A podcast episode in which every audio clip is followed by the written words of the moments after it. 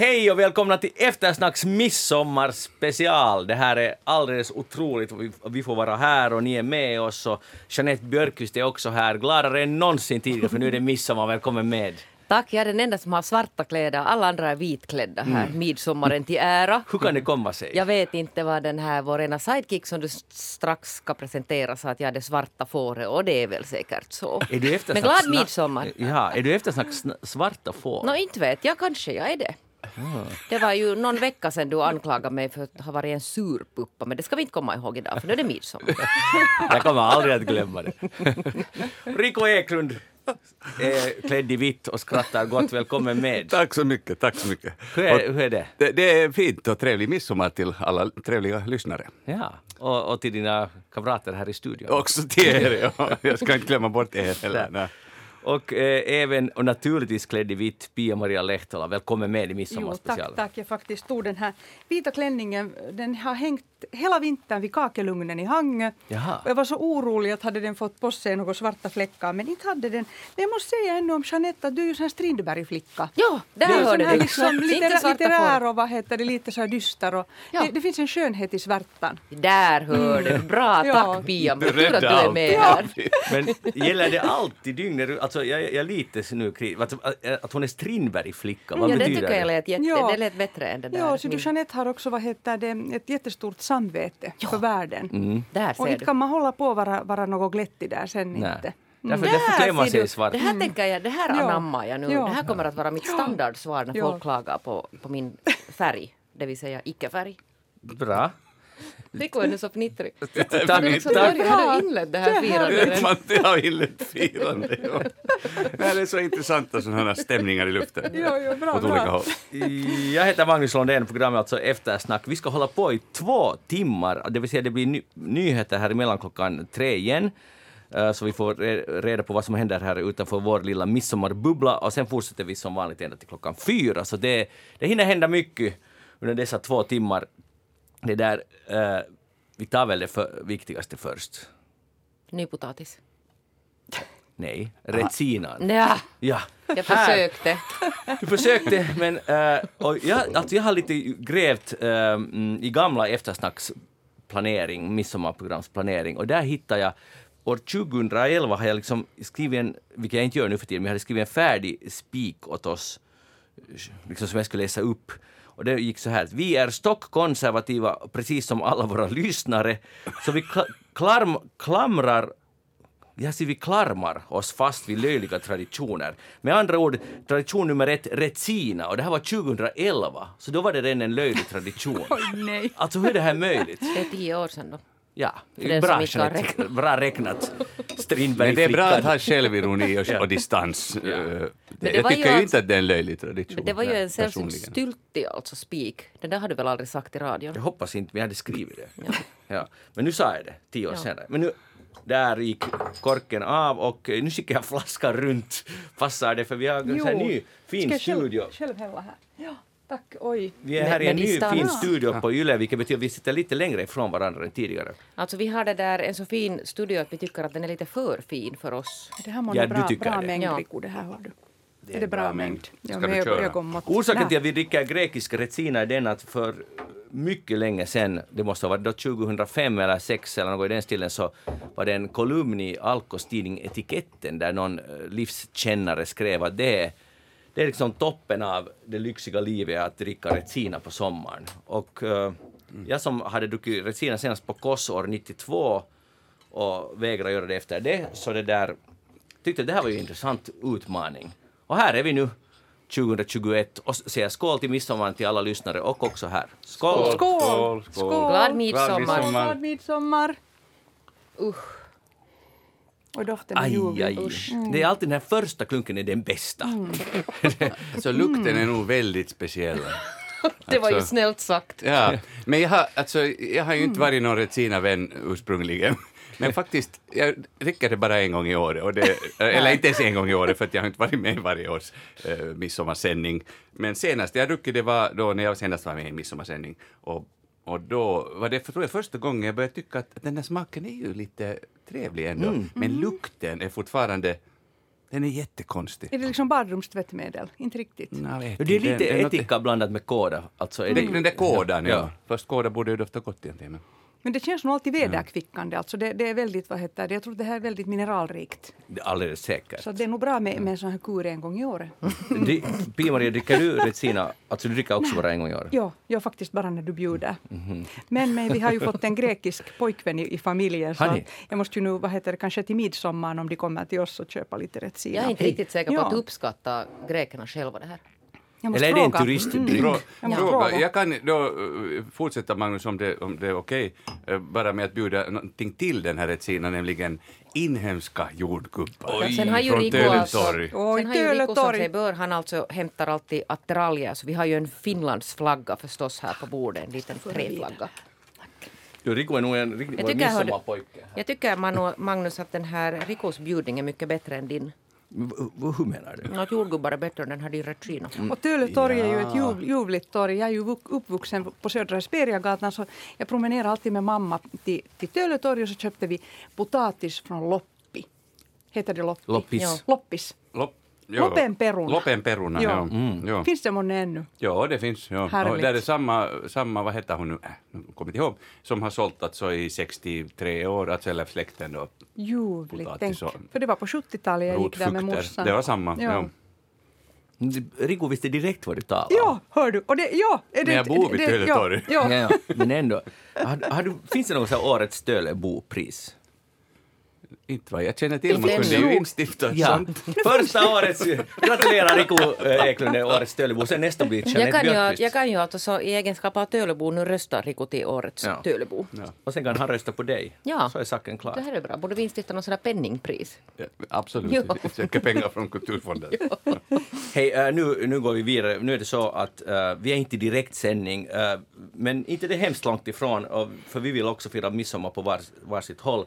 Pia-Maria, var är du? Klockan är vad är det, tio över två eller något i den stilen, midsommarafton. Vad sysslar du med? Ja, hör du, det är nu säkert så att jag håller på... Eller jag har nog valt klänningen redan, ja. Sen har jag säkert satt min man i kökssysselsättning dit och han kanske tvättar potatisen, nypotatisen, det är hans uppgift. Sen håller jag på att välja porslinet. Det, är- det är. Och det, det, är det, det viktiga. Ja. Ja, och är det, det, vitt porslin då? No, jag, jag funderar just att jag skulle kunna egentligen vara lite modig nu och ta sån här biedermajor från 1850-talet. Silesia porslin, alltså från en sån här liten, liten ort. I, Nu har du blivit så radikal nu. Ja, vet du. Ja, vet du, så här är det. Ja, man måste ju förnya sig. Ja. Absolut, Det är ju det. Man, man kan ju inte alltid gå liksom med de här vita, vita grejserna. Vad är, vad är, vilken färg, kan du säga så i, vet du, i normal färgskala? Ja, vad är det? Är vit tallrik och sen är det liksom kanten är, är, är sån här illgrön. Jag brukar kalla det för biedermajergrön. Det är en sån här väldigt stark historisk grön färg. Och så är det så här små ljuvliga rosafärgade rosor. Så riktigt små rosor. Så okej. den, den är nog väldigt somrig och härlig och romantisk. Bra. Väldigt icke-finsk. Det, det är bra. Gör, hur är det med, okej, mannen gör potatisen, men gör, gör du något förutom att ta den där porslin, välja porslinet? Jag är nog den som dukar. Ja, ja. Och, och sen sätter jag också förstås, vi har säkert lite rom, så sätter jag det vackert på, i en kristallskål och så väljer jag skedar och gafflar och sånt. Det Och låter vi äter ju ute på gården förstås. förstås, ja. Ja, Mycket bra. Oberoende väder. ja hör du. Mm, vi får och vi se. har faktiskt inget parasoll. Jag har svårt med parasoll, men jag, kanske man måste skaffa ett parasoll för säkerhets skull. Men då drar du väl på en lippis, antar jag? Nej, men Pia-Maria. Nej, nej, nej. Det nej. En- Det blir nog en det det stråhatt. Det var ett vulgärt skämt! Ja, vet du, usch! Det blir en stråhatt från Provence, hör du. Ja, ja. Jag förstår. Eh, bra, då vet vi det. Oj, och, och det. Har ni gäster eller är ni på tuvis? Eh, I alla fall, vår härliga son kommer Ja. med en flaska italienskt vin. Mm. Det har han redan köpt färdigt och sparat. Kommer den här gre- grekiska uh, No, det, familjen det är nog lite öppet. Just det. Ja. Men om, om var, det, det nu en hon eller han för nu missade jag det. Han, han. Om han kommer så kan du inte fråga vad, vad liksom, måste hurdan, om fråga. allt om Retsina, hur Ja. vi ska egentligen dricka för att Ja. vara äkta greker. Absolut. Det, det, där är, det där är bra samtalsämne. Och fråga om Malamatina som finns på, det är det enda som jag hittar på alko, om det duger till någonting. Just, och var är platsen? Var är den gjord i Grekland? Den, den, den är gjord i Retsina. Aha, just det. Nej, jag vet inte. Ja, Thessalon, Thessaloniki. Thessaloniki. Aha, Ja, ser du bara. Tack. Ja. ja, fint. Eh, det är Grekland. Mm. Rico, Rico Eklund, hur var det just nu i Eh, Vi sänder ju nu en timme tidigare, så nu, Ja. nu upprepar jag inte exakt den där svaret från tidigare år, men nästan. För att eh, faktiskt har midsomrarna blivit det mest traditionsbundna nästan i, i eh, vår, vårt hushållsfirande. Alltså julen och påsk och, och sånt och första maj och sånt brukar lite variera var vi är och sådär.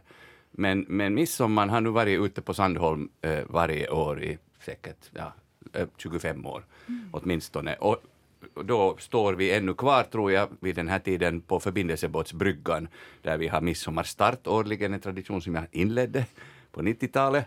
Och, och eh, bryggan är pyntad med björkris och, och vi har, folk tar med sig lite snitt, alltså alla då Sandholms bybor, det är nu kanske ett tiotal hushåll, så vi kan vara en så här 30-40 personer där på, på bryggan. Eh, I fjol var, hade vi det trots coronan och försökte hålla avstånd och sådär och, och så, och det blir det väl säkert delvis i år också. Och hoppas på fint väder. I, I fjol var det ju alltså fantastiskt. Så det där, eh, ja. Så där antagligen, eh, så småningom här vi efter, två- vi, brukar, vi brukar hänga där ett par timmar så, där, så att den här tiden börjar man småningom sen börja plocka bort grejerna och, och lite pusta ut sen inför sen kvällen som ofta har firats hos min bror. Jaha, så ni går från bryggan via... Via hemmet Ja. till, till min bror. Ja, just det. Det är stora fly- och, och, Är ni många? Uh, no, det har, I fjol var vi ju inte på grund av coronan Ja. så många, utan det var bara närmaste familjen. Och det som var speciellt i fjol, första gången var det så varmt, alltså det var hett, så vi kunde inte sitta på den där terrassen, det var för hett, så vi bar borden i skuggan, vid, precis fast i havet. Och det var fantastiskt. Oj, det låter Var det så Ja. bra väder förra Jo, midsommar? det var, alltså det är den hetaste midsommaren, det var liksom 24 grader i skuggan eller vad det nu var. Ser du som Alltså, man glömmer. ute Jo, ja, där i ytterskärgården, Ja. alltså det, det, det var faktiskt ovanligt Det, kan vara, att det, var, jätteskönt. det var lite kallare kanske i Hangö när det blåste. blåste. Där är ändå vind, vindarna. Ja, det, var- det var helt så det var... Ja. Str- Strålande. Och Jeanette, Nå, det där, vi har ju startat med min dotter. Nu har vi alltså faktiskt så att den här mannen i huset jobbar så han kan inte delta nu i midsommarfirande med oss. Så vi har ju startat på morgonen till Pargas och anlänt till familjen Laurén. Och sen hoppas jag att vi har packat och hunnit med båten 45 minuter ut till en holme som heter Knivskär där vi brukar fira vår midsommar. Och våra döttrar har fått träffats. De har inte träffats nu igen på jättelänge för man har inte kunnat resa. De bor ju i Ryssland. Och det har varit ett kärt återseende. Förhoppningsvis är det så att flickorna springer någonstans och tjattrar. Och Anna, Lena och jag kanske sitter nu på hennes vackra terrass. vad gör din man då? Han jobbar. ja, förstås. Jobbar. Så det är bara, det är bara Alltså, flickor nu. snickrar han, jobbar i det Nej, avseendet, han eller? jobbar riktigt på sitt riktiga jobb Oj. på midsommar. Ja, han är inte alls med. Nej, han är inte med. Det är bara flickor Så du är helt Brukar fri? han du jobba alltid på midsommar? Är det liksom Nå, det där lite varierande, men nu blev det så att han måste vara Ja. på jobb. Men det gör ingenting för att nu är vi sån här kvinnokraft där i Mm. skärgården. Fint. Så du behöver inte titta på några kritiska miner? Nej. Eller någon som bygger och, och motorsågar och Just borrar det. och vad allt han håller på med. Jo, jo. Det där, eh, jo, okej, jag, jag är det där är däremot i Savolax och, och viftar mot myggorna. Eh, Jag antar att det kommer att finnas ganska, eller där är mycket myggor nästan helt säkert. Och det där, men utöver det så skulle jag säga att grillen är på, förberedelserna pågår. Vi har bjudit in några vänner, ja. Klockan är ändå två. Kanske vi har en näppistävling i Sandhögen, med, för det kommer liksom unga barn som vi inte haft på en tid. Vår yngsta är 14, han är nog med, men det här, nu kommer det betydligt yngre schack in, så det blir, man måste hitta på något traditionellt program. Är det då med, med de här som vi säger nebbisbilarna? Alltså Ja, ni det- säger, men de andra säger näppisbilar. Jag vet, men är det de här små plast... Ja. ja, ja just det. De riktiga nebbisbilarna. Ja. Nebbis. ja, det är, ne- det är nebbisbilar, precis. Så det där, en sån tävling har vi säkert på gång och annat jox. Så det, här, det ser bra ut, hörni, vår midsommar. Ja. Vi, vi, skulle ni, om ni skulle måste välja någon annan än den som ni är på själv, av det här som ni just fick höra, vilken skulle ni välja? Jag skulle kunna ta vilken som helst. Ja, jag måste säga att jag tycker att alla låter ganska trevliga, så att Mm. det där borde man bryta då sin tradition och komma till någon av er istället. Du är så välkommen dit Ja, till ni- Knivskär. ja, ni Vi ska tycka- Ja, Vi vi brukar är alltid ju se- inte så långt ifrån Nej, vi brukar alltid skicka sen i något skede så skickar vi någon sån här solnedgångsbilder eller sol sådana här bilder Ja. åt, åt Rico och tänker att oj vad vi är nära ändå. I Åbolands skärgård. Ja. Jag kan skicka från uh, Suvasvesi i Savolax. Det är ganska trevligt det där också. Ja, det är jättetrevligt. Men jag skulle välja, om jag funderar på det här, av nyfikenhet skulle jag välja Pia-Marias tallrikar. För jag, sk- jag skulle vilja se, och lite liksom, just att du har haft en klänning som har hängt där vid, vid kakelugnen igen, fast det är, det är inte den du ska ha på på midsommar, men hela det här liksom ritualsystemet, det, det, skulle, jag- det är jag lite nyfiken på. Så Och sen jag, måste jag tro att, att det där Pia-Maria säkert har den alltså absolut vackraste dukningen. För det kan jag säga att det ja. satsar vi nog inte på alls. Dukar är viktiga, alltså att ha så riktigt långa dukar. Och det kan vara ett franskt bröllopslakan, ett linnelakan, ett vitt med, med monogram P, enligt mig. Jag har hittat det på ett Men vadå? Jo, P-monogram. Men vad är det? namn. Ett, ett Aj, ja, förstår ja. ett jättestort lakan som jag har som, som bordduk.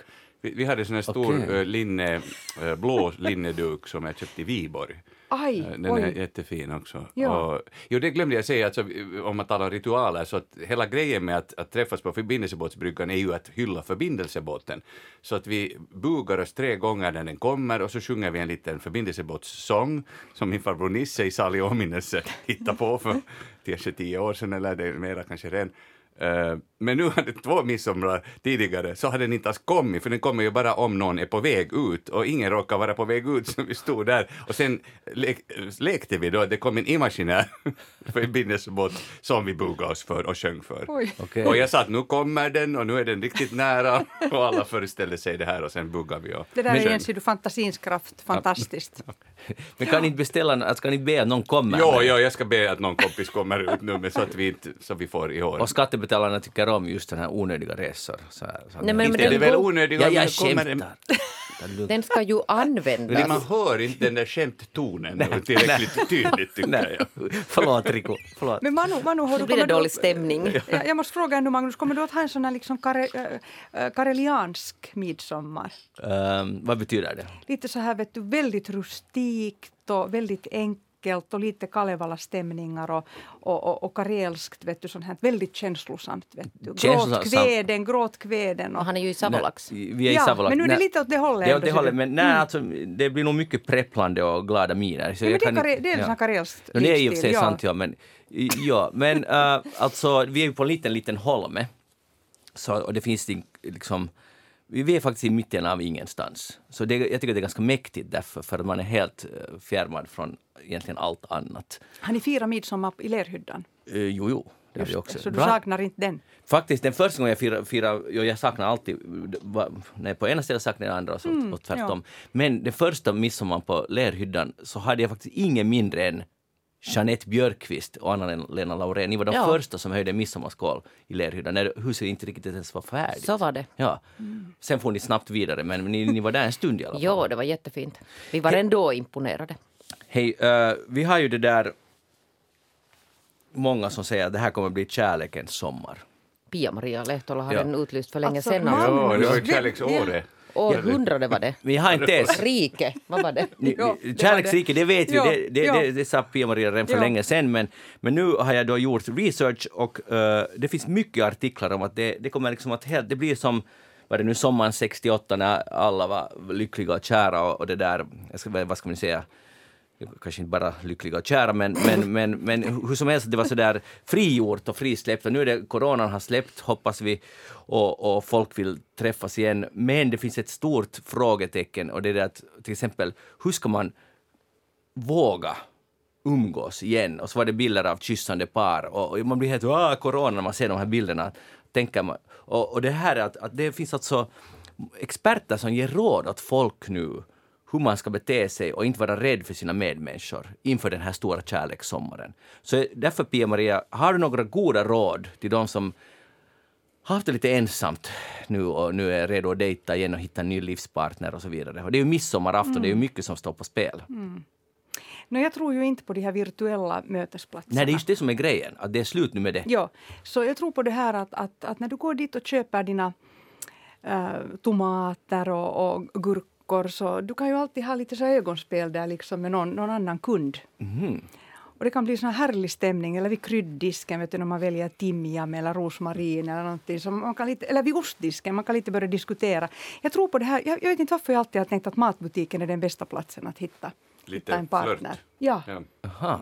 För, men Rico, om du skulle välja var du flirtar, så är det där vid timjan eller är det vid uh, ostdisken?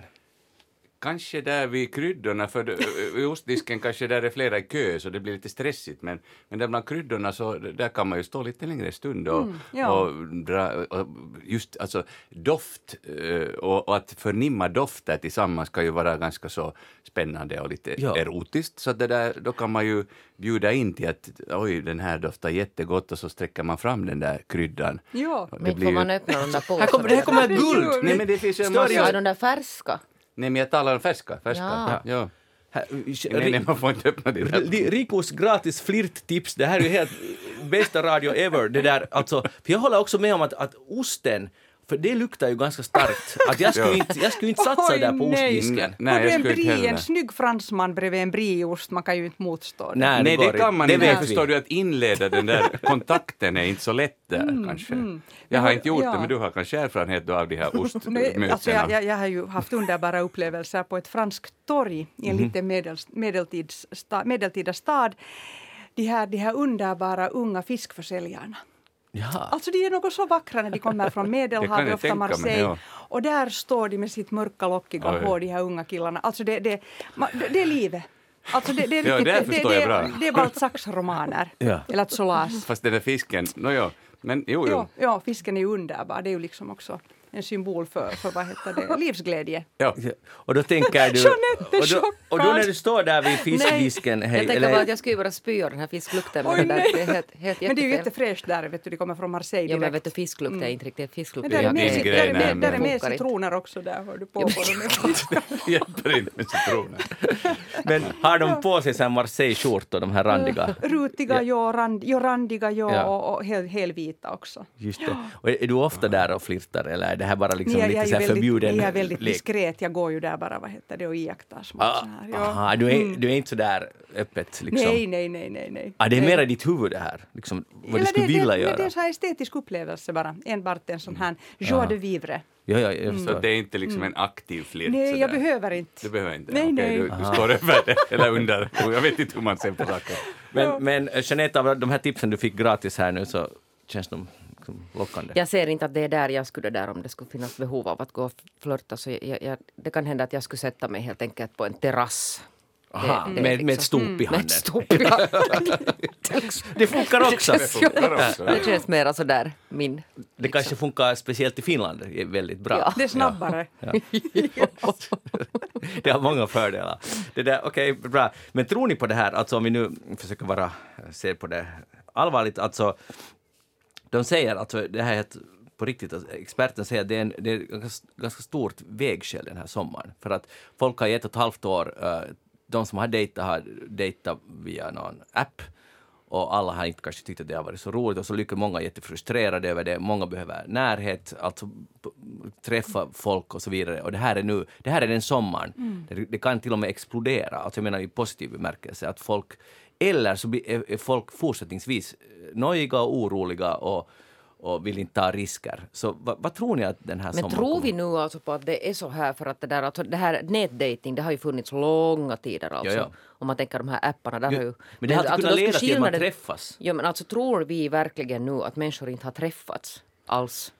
Nå, mindre än vanligt nog. Det tror jag, men jag tror nog att människor har träffats i alla fall. De har ju kunnat gå på en promenad till exempel med sin tilltänkta. Jo, men jag, tror att du, alltså jag tror att många, alltså om man nu dejtar med någon eh, via, hur det nu, någon app, whatever, uh, som inte är i riktiga livet, så tror jag att, att många har kanske inte träffats i riktiga livet. Men jag känner människor som har alltså inlett ett förhållande. No, du känner säkert, men jag menar, vi talar nu om de stora massorna.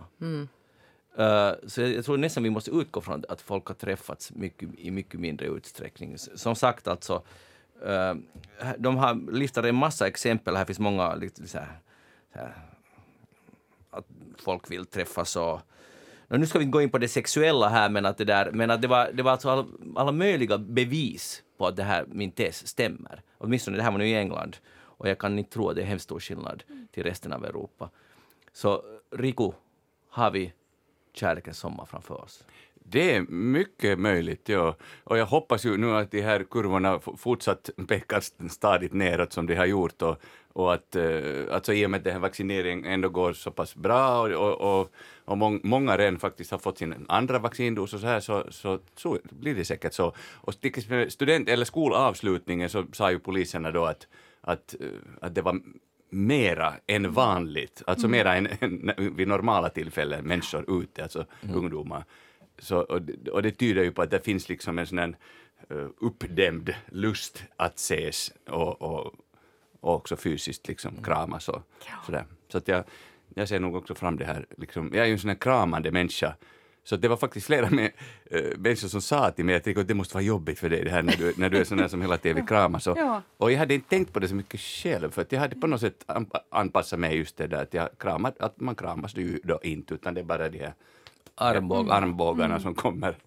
Eh, ja, så det, nu, det, nu har jag ju småningom börjat krama eh, vi- vissa nära människor mera. Ah, vi, vi räknas inte dem för att du, du kom nog här med armbågen i högsta hugg. Jag i studion. armbågen i högsta hugg, jag är så, jag är så van. Ja. Ja. Men ofta, nu har jag märkt att det har blivit med några sådär så att man, armbågen kommer först och sen ska vi kramas, ja. Och så, Ja. så Ja. man tar, armbågen kommer och sen blir det en kram. Vi har, då, Pia, ditt ord väger ganska tungt här nu när du ändå är kärleksexpert. Att, att, att, är det det där Ja. härliga som Rico beskrev, den här dammen som nu brister och kärleken flödar? Är det här det? Jo, nu är det på kommande. Vi har ju annars också en sån ny hippievåg bland, bland unga människor att det finns en sån här liksom friheten, gränslösheten och, och, och så här. Så att jag, jag tror att det, det kommer att, att bli i sommar. Men jag tror ändå att, att människor är ännu lite oroliga för pandemin. Och därför tror jag att det här med sex kan ta lite tid ännu. För att det har, det har blivit en så stor eh, mur just i, in, inom det fysiska. Så den tror jag inte kommer så här snabbt. Att man börjar liksom genast gå in i vita Nej, för lakan. de- Det tror jag inte. När får man tänka alltså, eh, vita lakan exakt, om man tänker att det har varit ett och ett halvt år utan det, att jag tror att det kan bli svårt i början. Mm, jag Alltså, tror nog också att man är, för, man är väldigt försiktig. Man kan, vet du, människor också, det är många som har fått ångest som har bakterieskräck till exempel och är hypokondriska. Ja. Sådana människor har haft det väldigt svårt nu. Eller har de haft det lättare för att nu har alla varit på samma linje? Jo, men det har, det har ju gjort att kanske de där eh, sidorna har blivit starkare i dem. Att de har blivit ännu mer rädda, En- Att de har blivit ännu så att säga, ja. Att de, försiktigare. Mm. Men nu har det ju varit liksom så att säga okej att va, vara vä- väldigt försiktig, alltså att, att vara ja. så att säga som du sa hypokondrik, alltså att, Ja. att det har, för nu har det funnits en så pass allvarlig sak som har mm, liksom varit över allt annat. Ja, ja. Så, ja.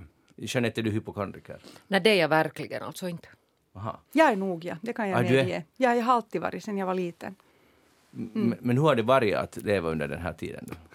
För dig? Jag har varit extra noggrann hela tiden. Nog. Men jag har ju inte på det sättet umgåtts med så mycket människor och så här. Att helt... Det är ju- Du menar Men det där- tvätta händer och... Jo, jo, och jo. det här. jo. Men hej, det där Jag är nog ganska hypokondriker- pedant i sånt här. Hypokondriker, är du alltså en sån som sitter och, och konsulterar den här doktor Google alltid om du har liksom lite nu knycker det lite i nej, öronsnibben inte. så då jag, har går man och lärt, ger jag, har en lärt mig, diagnos. jag har lärt mig att jag gör inte det. Jo, för det är ju alltså ett träsk nog att när Jo, man börjar jag alltså ge diagnoser åt sig Nej, själv via doktor Google. Ja, jag tror att det är många som gör det. Jo, Jag gör det nog tyvärr, alltså det, om jag har ont. Vad har du då? om jag har ont någonstans. Men vad har du alltså för, gett för diagnoser åt dig själv?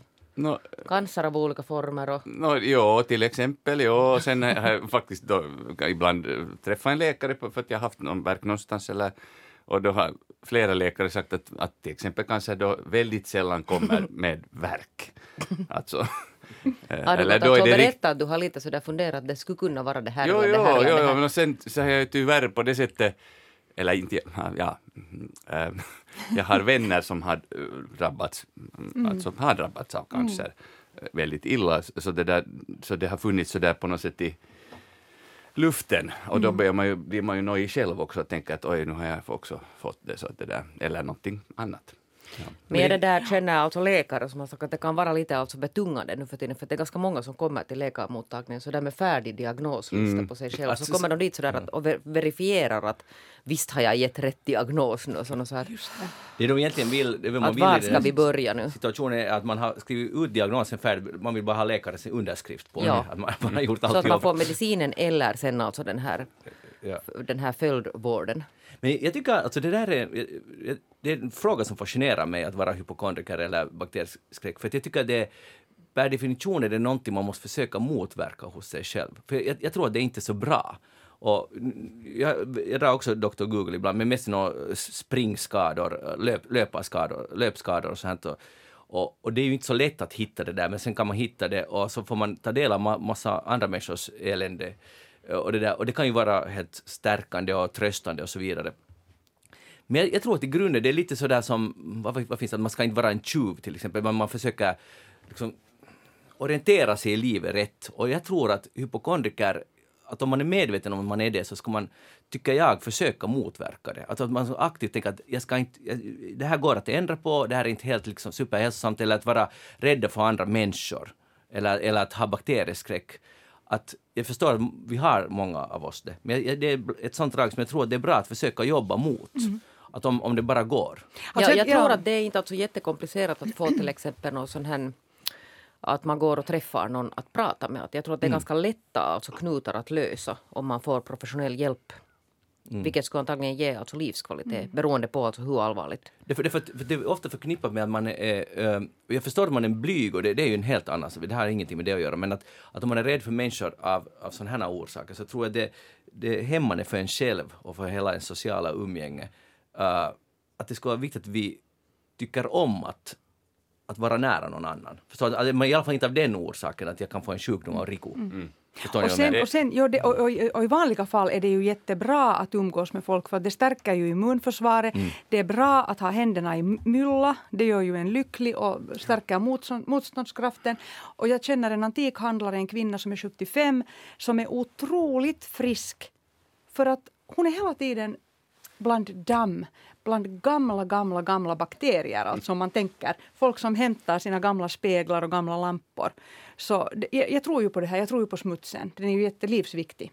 Mm, bra sagt. Jag tror på mm. smutsen. Mm. Ja. Lite överraskande att just du sa det. ja, men, du som var så ja, ja, pedantisk och städad så du tror ändå på smutsen. Ja, därför, därför tycker du har båda de här sidorna ja, inom har, dig. Du, ja. Det gör det ännu mer mm. spännande, mm. Pia-Maria. Du tror på smutsen samtidigt är du pedant. pedant. ja. Bra. Rigo, ville du tillägga någonting? Nej, det, Tror du på smutsen? Uh, nej. Men, men, du tror alltså, på mulden, tror jo, du? Jo, alltså jag tror på, inte, inte på, jag, jag tycker om att ha rent omkring mig, men det där, men jo, på det sättet, alltså, uh, jag inte tycker någon hypokondriker, jag älskar att hålla på i trädgården, mm. jag älskar mm. det där på våren, när, när, jag tror jag talade om det eftersnack här i, i, i våras, uh, när liksom solen börjar värma jorden och man får gräva och plantera och så och, liksom, och sen följa med när det, när, när det gror och så vidare. Men jag tycker om det där potta i jorden och plantera, också det där att göra den där gropen och, mm. och göra bra och vattna och sen sätta den där plantan dit och sen fylla och sen trycka så ordentligt, för det ska man göra. Så du, jag brukar alltid trampa. Ja, ja, eller trampa, ja, men, men man ska ju pressa ja. ganska ordentligt. Ja. Alltså, en del, just när de planterar så, så det är så försiktigt så det liksom får inte ordentligt stadga där. Ja. man ska, så har en trädgårdsmästare sagt åt mig, eller trädgårdsexperter, ja. Att att man ska trycka till ordentligt så att den får en och det, är det är fascinerande också. Vi har ett nytt drag i, i, vad heter det, med min man. Att vi går på kvällarna och tittar på våra buskar. Mm. Att, no ja, nu har vi satt lite mylla dit och vatten och titta nu att nu, de här bladen är mycket bättre än i fjol. Så det blir ett sätt kanske när barnen är utflugna också att man börjar liksom ha de där plantorna och de där mm. buskarna. Och, det är jättebra för, för parrelationen att tillsammans... Br brukar du Riku vara med din partner i trädgården?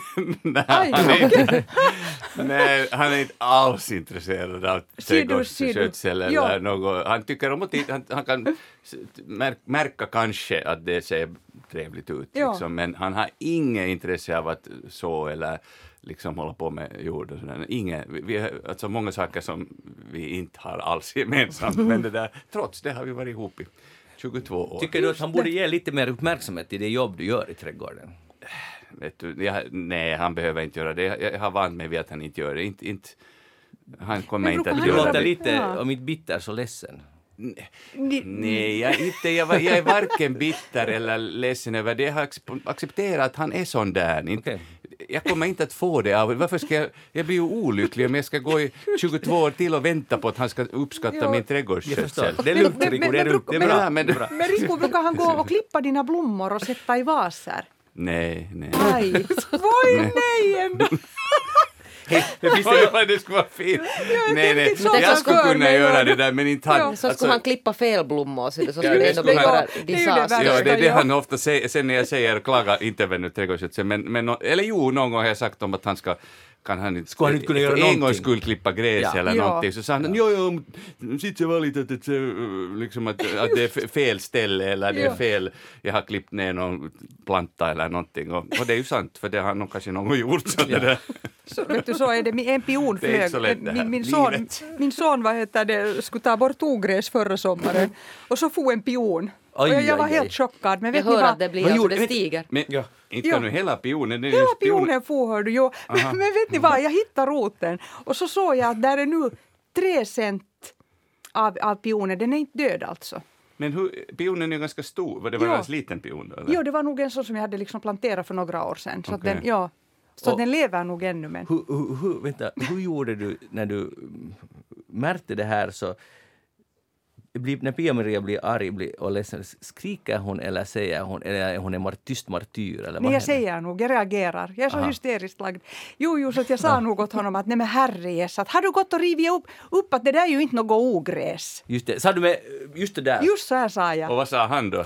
Nå, ja, inte kan jag nu veta. Och han var jätteflitig, han var lite för flitig. Mm. Han är ju hemskt trevlig om det är samma son. Jo, det är samma son, jo. Som, som vi har jag som arbetskollega på Svenska det, Teatern. ja, Och jobbar på ljudavdelningen. Men det han inte vet är skillnaden mellan ogräs och pion, pioner. Så Men det, nu vet han. Jag vet. Ja.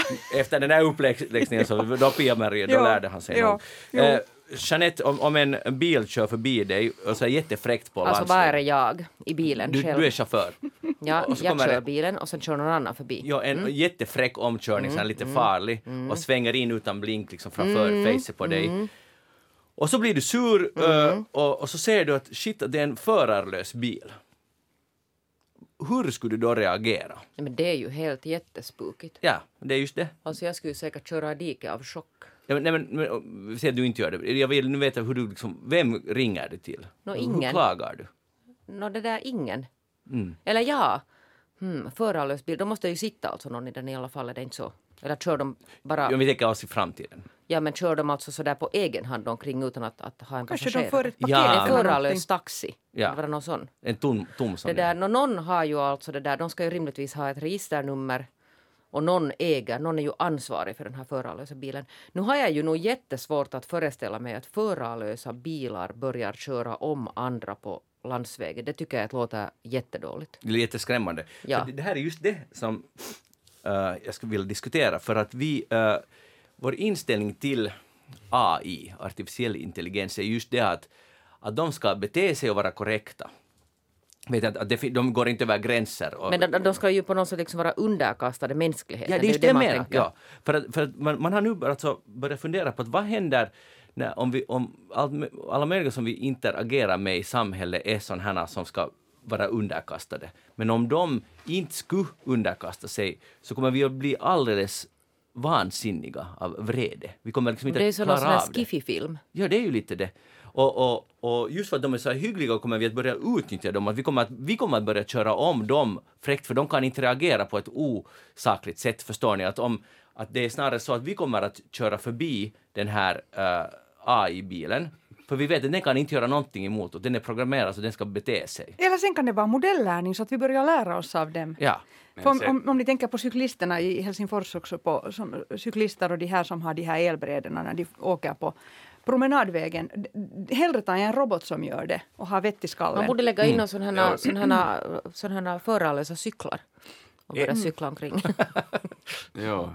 Alltså el, men det är en annan diskussion det här med Ja. elbrädor, men det kan vi kanske å- återkomma till. Är du också- men- blir du arg på det också? Ja. Men, men det där, alltså, nu finns det ju helt klart en risk att vi går in i den där skiffy-världen, att de på riktigt, de här artificiell intelligens tar över, alltså, att, det, att den liksom eh, Alltså på något sätt har man tänkt att det där är nu liksom skiffy, att det, det kan inte hända. Men, men nu går vi ju mot en, småningom mot en tid där, där det på riktigt kanske kan hända att den här AI utvecklas så mycket att de blir så intelligenta att de börjar så att säga bestämma själva. Självskapa alltså. Självskapa och, och liksom så att det kan hända att det inte lönar sig att börja mo, Mopsa upp sig. Just det. Nej, så, det är bara, vi ska bara hålla oss. Men, men för det här liksom aktualiseras av det att, att nu finns det ju många appar och man misstänker att det kommer bli så uh, när man behöver psykiskt stöd. Så till exempel i USA finns det inte direkt många utbildade som kan ge det, alltså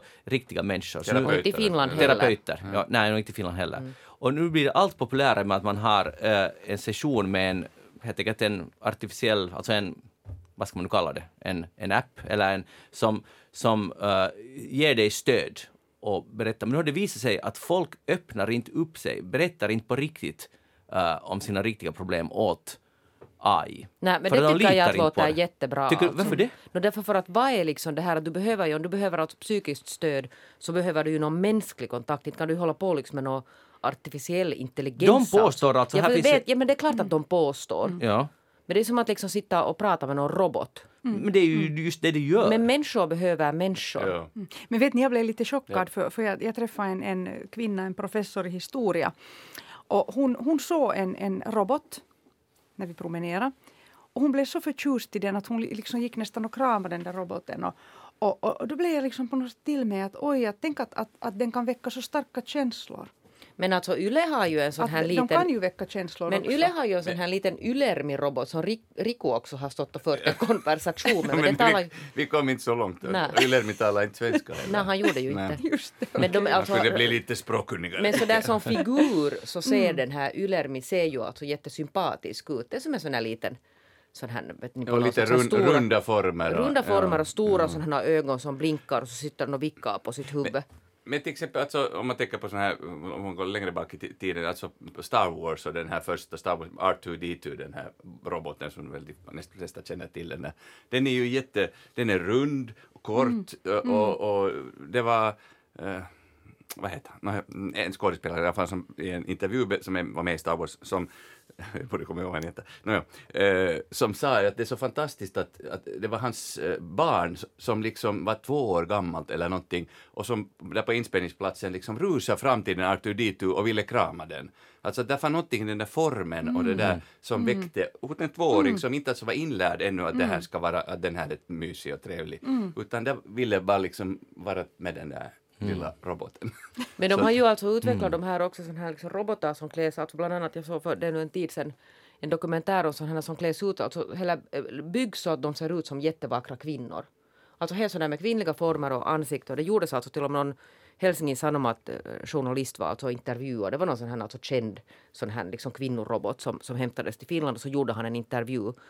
Som alltså där, där den här alltså roboten i princip så där när man tittar så om man nu skulle titta jättenoga så skulle man kanske till och med kunna tro att det är en riktig människa som sitter och pratar och den är på något sätt förprogrammerad att kunna svara. Och det här är ju bara början av början. och det är bara början. Alltså. Sen Ja. så att det finns fabriker alltså, som tillverkar så här att människor liksom redan börjar överväga att ha sådana här robotar som partners. Just för att det är lättare. Alltså, Ja. Det är ju helt klart, antingen om man är ensam eller annars bara så är det lättare. För det blir, som du sa så träffande, här, att de ska vara underkastade oss och det är det det handlar om. Att, att mm, vi kanske inte mer klarar av att bo med andra människor som man måste liksom dela med. Utan det är ju lättare då att ha någon som är ens slav, alltså det vill säga i det här fallet en robot då.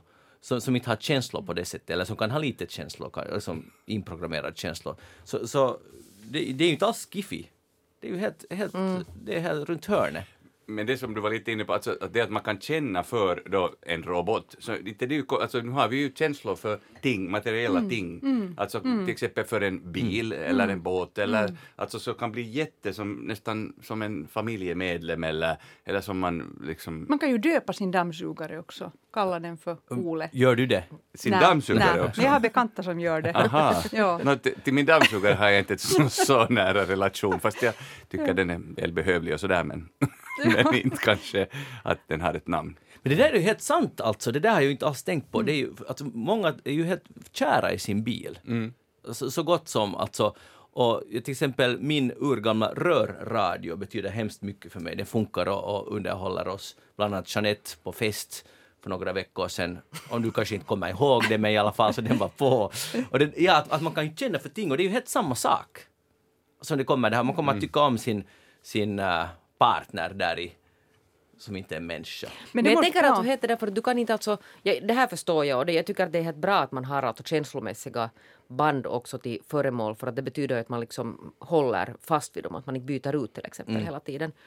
Men, men fortfarande så, så beröring får du ju inte av en sak. Och inte av en rörradio, Nej, och jag menar, om, om människan behöver beröring, alltså Absolut, bebisar behöver beröring av en orsak för att man är människa. Ja, och sen- och sen Eller det är ja. därför man alltså kan ta till exempel husdjur om man om man inte har liksom andra så kan ju ett husdjur bli den, Ja, den att du där- får någon liksom Ett levande ting Ja. som man får hålla nära och känna den där värmen och p- pulserande av liv som, Ja. som en, ett, ett annat levande ting Exakt. ger. Och, då, Och sen, en sen behöver man också, om man, om man har svårigheter så behöver man ofta en, en annan människa som kan berätta att vet du, jag har haft precis det där samma. Att oj nej ändå, att jo det går nog om det där. Det är ju det, det, man behöver, vi behöver ju jämföra oss med vanliga människor och andra människor. Och, och, och, och sen ännu om det där med robotar, alltså jag har ju aldrig fått ett vettigt svar om jag har eh, diskuterat med en kundrobot Ja. i, i någon sån här, något företag eller någonting. Alltså det, det leder ju aldrig någon vart med dem. aldrig. Nej. Det är men, men jag helt tror att de är så onödigt. primitiva ännu att, att det kommer vara Ja. helt annorlunda om tio år. Alltså, och jag tror också att, att den där, de här AI-terapeuterna kommer ju att programmeras så att de säger just att men vet du, jag har hört om så många andra som har samma problem som det. De kommer att liksom säga det som vi vill höra. Men inte är man ju så dum att man skulle vad heter det, gå och börja tro på sådana maskiner. Herrejes. Nej, men, men, alltså, men, men Jag tror inte på det där att det är blir ett bra. ganska vitsigt sätt. Alltså, jag tror att det, är o, att det inte går att göra någonting mer. Det kommer att gå så här. För att det, människan är så innovativ och vi är ju liksom eh, kittlande, det är en kittlande tanke att vi kan skapa uh, någonting som är som människor fast de inte är människor. Det är ju helt jättespännande Men man har ju alltså redan tagit, det finns ju alltså inom åldringsvården har man ju tagit in alltså sådana här robotar som drar sån här jumpa. För att tydligen då alltså brist på fysioterapeuter. Och det är det sen säkert är det inte. någon, så, någon robot, och jag menar, och jag kommer ihåg alltså det, det är något år sedan det kom den här nyheten och alla var helt eld och lågor och de var så att åh det här är ju helt toppen att nu kan man liksom få dem att röra på sig lite med en robot. Och så att är det nu någon som behöver alltså vet ni, en mäns, Människor. människor och liksom kramar och någon som tar i dem och rör dem så är det väl äldre på, på äldreboenden. Alltså jag håller verkligen med dig. Jag tycker det är det som är, att det, inte, det snackas kanske inte tillräckligt om det, det, just det som du sa. Men jag tror ändå att det, det finns ingenting vi kan göra för att den här människans kraft och nyfikenhet, i, och det är en bra sak ofta, men att, att vi vill gå fram, vi vill hitta på nya saker och nu går det småningom att göra det här, det kommer att komma. Men det kan bli marginaliserat och det kan också komma en stark motreaktion. Ja, det kan det. Som är totalt eh, en liksom, verkligen en stark Jo, motreaktion. och inte med det sagt, alltså, det är klart att det kan finnas alltså bra funktioner. Alltså, det, det, det liksom finns säkert eh, liksom funktioner som kan fyllas med att, att man sätter dit en robot. Men inte den här alltså, som, som på något sätt handlar om det här grundläggande mänskliga behovet av, av andra människor. För att då kan man ju alltså bara avfärda plötsligt alla ensamma människor. No, men vänd dig till roboten. Och det är ju helt alltså jättedåligt. Det är ju nästan som man redan har gjort då i USA, att, att det finns, om det finns inte terapeuter tillräckligt, så erbjuds istället en app eller en, en, liksom en programmerad röst som stöder dig. Och, jag tycker att, Och, och det är helt alltså fakta. Jag tycker det, här att det är, det här är inte nej, jag, jag förstår att det är Ja. så, men jag tycker att det är jätteobehagligt. För att då på något sätt... Mm. Ja, håller med. Vi håller på att vi förlorar ganska mycket där på, på vägen. Vi är nu Hej, för gammalmodiga här i den här studion. Men nu ska vi tala om, eh, ni- jag vet var och en av, er berätta eller tänka på vad, vad ni har tänkt göra den här sommaren. Det ska vara ett sommarlöfte och jag tänkte faktiskt börja med Pia-Maria Lehtola att berätta. Nå, nu ska vi förflytta oss då till Hangöhuset där jag firar, firar midsommaren. Huset är byggt 1903. I övre våningen finns som i många trähus från den tiden ett så kallat sommarrum. Vi har en öppen vind som man går igenom och så kommer det här sommarrummet på 40 kvadratmeter med en, en sån här spis som då, då förr i tiden lagade man mat på den där spisen. Jag faktiskt träffade en gång en kvinna på, på gatan utanför huset och sa att hej, att får hon komma dit upp och titta. Att, att hon har bott där med sin mamma i tiderna. Och så förde jag upp henne till sommarrummet då som hade ganska mycket bananlådor och var lite med, mm, mm, som ett förråd för vi hade då flyttat från vår andra bostad. Och då, då var hon helt att oj, hon kommer ihåg hur mamma stod där och lagade mat och var så arg på henne när hon hade kommit sent hem. Så det, det är en plats som och där har också faktiskt en människa har blivit född på vår vind i det här sommarrummet. Hur vet du det? Jo, min mamma har berättat, för hon, hon har en bekant som, som, som är född där. Okej. på, I det här sommarrummet. Så det här sommarrummet är för mig liksom en sån där, eh, ett rum av, av berättelser. Det är inte bara mitt rum. Och, och, och det, det är inte anonymt, utan, utan det, har, det har liksom... Jag har inte på något sätt kunnat ta det i min besittning på grund av de här berättelserna som har kommit till mig. Men nu är dottern med sin grekiska pojkvän så bestämd att nu ska det där rummet bli deras och nu ska det renoveras och nu ska de där bananlådorna bort. Så jag har röjningens tid framför mig och jag hatar ju Marie Kondo. Jag tycker inte man ska avstå från minnen och avstå från det ena och det andra utan jag tror ju på katalogisering. Jag, jag gör inte det, men jag älskar tanken på katalogisering. När man förr i tiden skrev jag har tolv stycken silverskedar, jag har två stycken tekannor. Alltså jag tycker om den här tanken. Va- inte, inte, men- inte, inte kommer jag nu att göra det, men, men jag skulle vilja göra det. Bru- Den här alltså, katalogiseringen. I en idealisk värld skulle, skulle du göra liksom ett häfte där det finns, eller Ja. en riktig katalog. Jo, nu är det ganska Över hela härligt. ditt hem. Eller, eller sommarrummet nu bara. Nej, Bara, Mm, sommar, bara sommarrummet. Men sommarrummet kan du väl katagoli, kat, katalogisera? Alltså det, Ja, det är kanske- väl inte mm, så stort mm, och kanske så jag mycket. skulle kunna öva mig. Öva Och- dig på och- det där ja, ena rummet. Just det, för där Men är alltså, också lite olika stolar och gustavianska stolar och sen lite och Biedermeier-stolar. deras bakgrund förstås ska du skriva upp. Jo, det det är du ju det vet, som... Ja, till det är det. Du, mm, jag, tror, jag tror att du gör sånt här, Riku. Eh, lite ja, jag gör det. Jag och jag har också det. mina Rico Ja. berättar har ju uppmanat folk att, att skriva det. upp det de vet. Alltså, Alltså det där- Om inte, ja. inte nu nödvändigtvis listor, men på Ja. själva föremålet. Ja. För då tappas de där listorna inte bort utan Just att man det. skriver på under en stol eller, eller under bordskivan Ja. eller vad det nu råkar vara för, för föremål. Ja. ja, det där är ljuvligt för då ska jag också liksom lära mina barn att, att vissa saker har ett värde. Att det är inte bara en stol från 50-talet eller en stol från, från 1840-talet. Utan det, det betyder någonting. Men Riku, eftersom du är expert, så, så var drar man gränsen? Är det alla föremål man har som ska få en liten lapp? Eller hur, No, om man orkar så är det ju fantastiskt. Alltså, Mm. eh, att skriva, jag har till exempel, eh, ett bra exempel, jag har en, en rak kniv som, jag, som är i sitt gamla fodral. Och, och då skulle man bara, skulle det inte stå någonting så skulle man tänka att det här är en gammal rakkniv. Ja, och den är ju helt fin men inte det är något extra. Ja. Men nu står det då Edvard Furhjelm, alltså min farmors pappa, har skrivit Ja. Edv Furhjelm, köpt hos Detman i Helsingfors 1873. Just det. Och det har han antagligen skrivit, för, för den här Edvard, jag har liksom ärvt hans gener nog på det sättet, eller farmors då, eh, att eh, det har han antagligen skrivit då när han köpte den 1873. Just det där det. köpt hos Detman i Helsingfors, annars skulle han kanske inte ha kommit ihåg det. Så jag har skrivit till exempel på eh, något påskpynt som jag har hemma så står det under, om det går att skriva, eh, köpt eh, på, hos Stockman i Helsingfors eh, 2014. Just alltså. Och, och det RE, så vet man, Rico Eriksson kanske någon vet om, om 160 år, om den där py- pyntet finns kvar. Det är fascinerande. På ett sätt förstår jag vad du, vad, fördelen med det där. Och på ett sätt låter det, det låter nog som att livet blir en katalog. Just som Nej, du blir det ja, inte alls? Aha. Nu, Varför skulle det bli en katalog? Inte, inte, titta, inte, gå- inte titta i den där katalogen hela tiden. Det tar en liten stund när jag skriver ner det där och sen, sen finns Ja. det där. Ja. Inte, det, inte det är så att jag sitter dagarna i ända med några kataloger och skriver hela tiden. men jag uppskattar det Utan där- det är då, ja. Om man gör det, till exempel när man skaffar nya saker, man gör Ja. det genast samtidigt som man packar upp det där. Det måste man ju också göra. Inte det nu mer än 30 sekunder att skriva det där. Jag, jag, jag, jag ger mig. Men Ja. det, det är lugnt. Det är, allt- för det är det- bra. för det- Jag är helt lugn, Men det- det är jag bara säger. Det är den här recinan. Skål! Men, men, men, skål. men det är ju det också att, att när man är i en, i en antikhandel eller på ett lopptorg så då tar man ju ett föremål i sin hand och då, då liksom funderar man ju att oj, var har den varit den här? Mm. Vem var den här ägaren? Och, och, och nu till exempel, det var ganska hurra, jag hade, jag hade min dotters sminkbord där i Hangö som, som, som flyttades upp nu till vinden, dit till det där sommarrummet. Och så bara plötsligt föll där inifrån en lapp och ett foto på kvinnan som har ägt det där sminkbordet på 20-talet.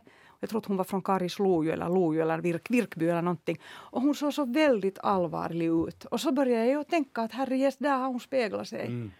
Vad fint. Det, Rico och det var riktigt en chock nästan. Det där är ju så ja, fint. Ja, det, det, Hundra det, år det, sedan. Ja, ja. Hej, du Så har... det här. Mm. Lycka till med sommarrummet. Ja, och, och nu ska vi avsluta del ett av Eftersnack, äh, midsommarspecial. Vi är tillbaka efter nyheterna igen.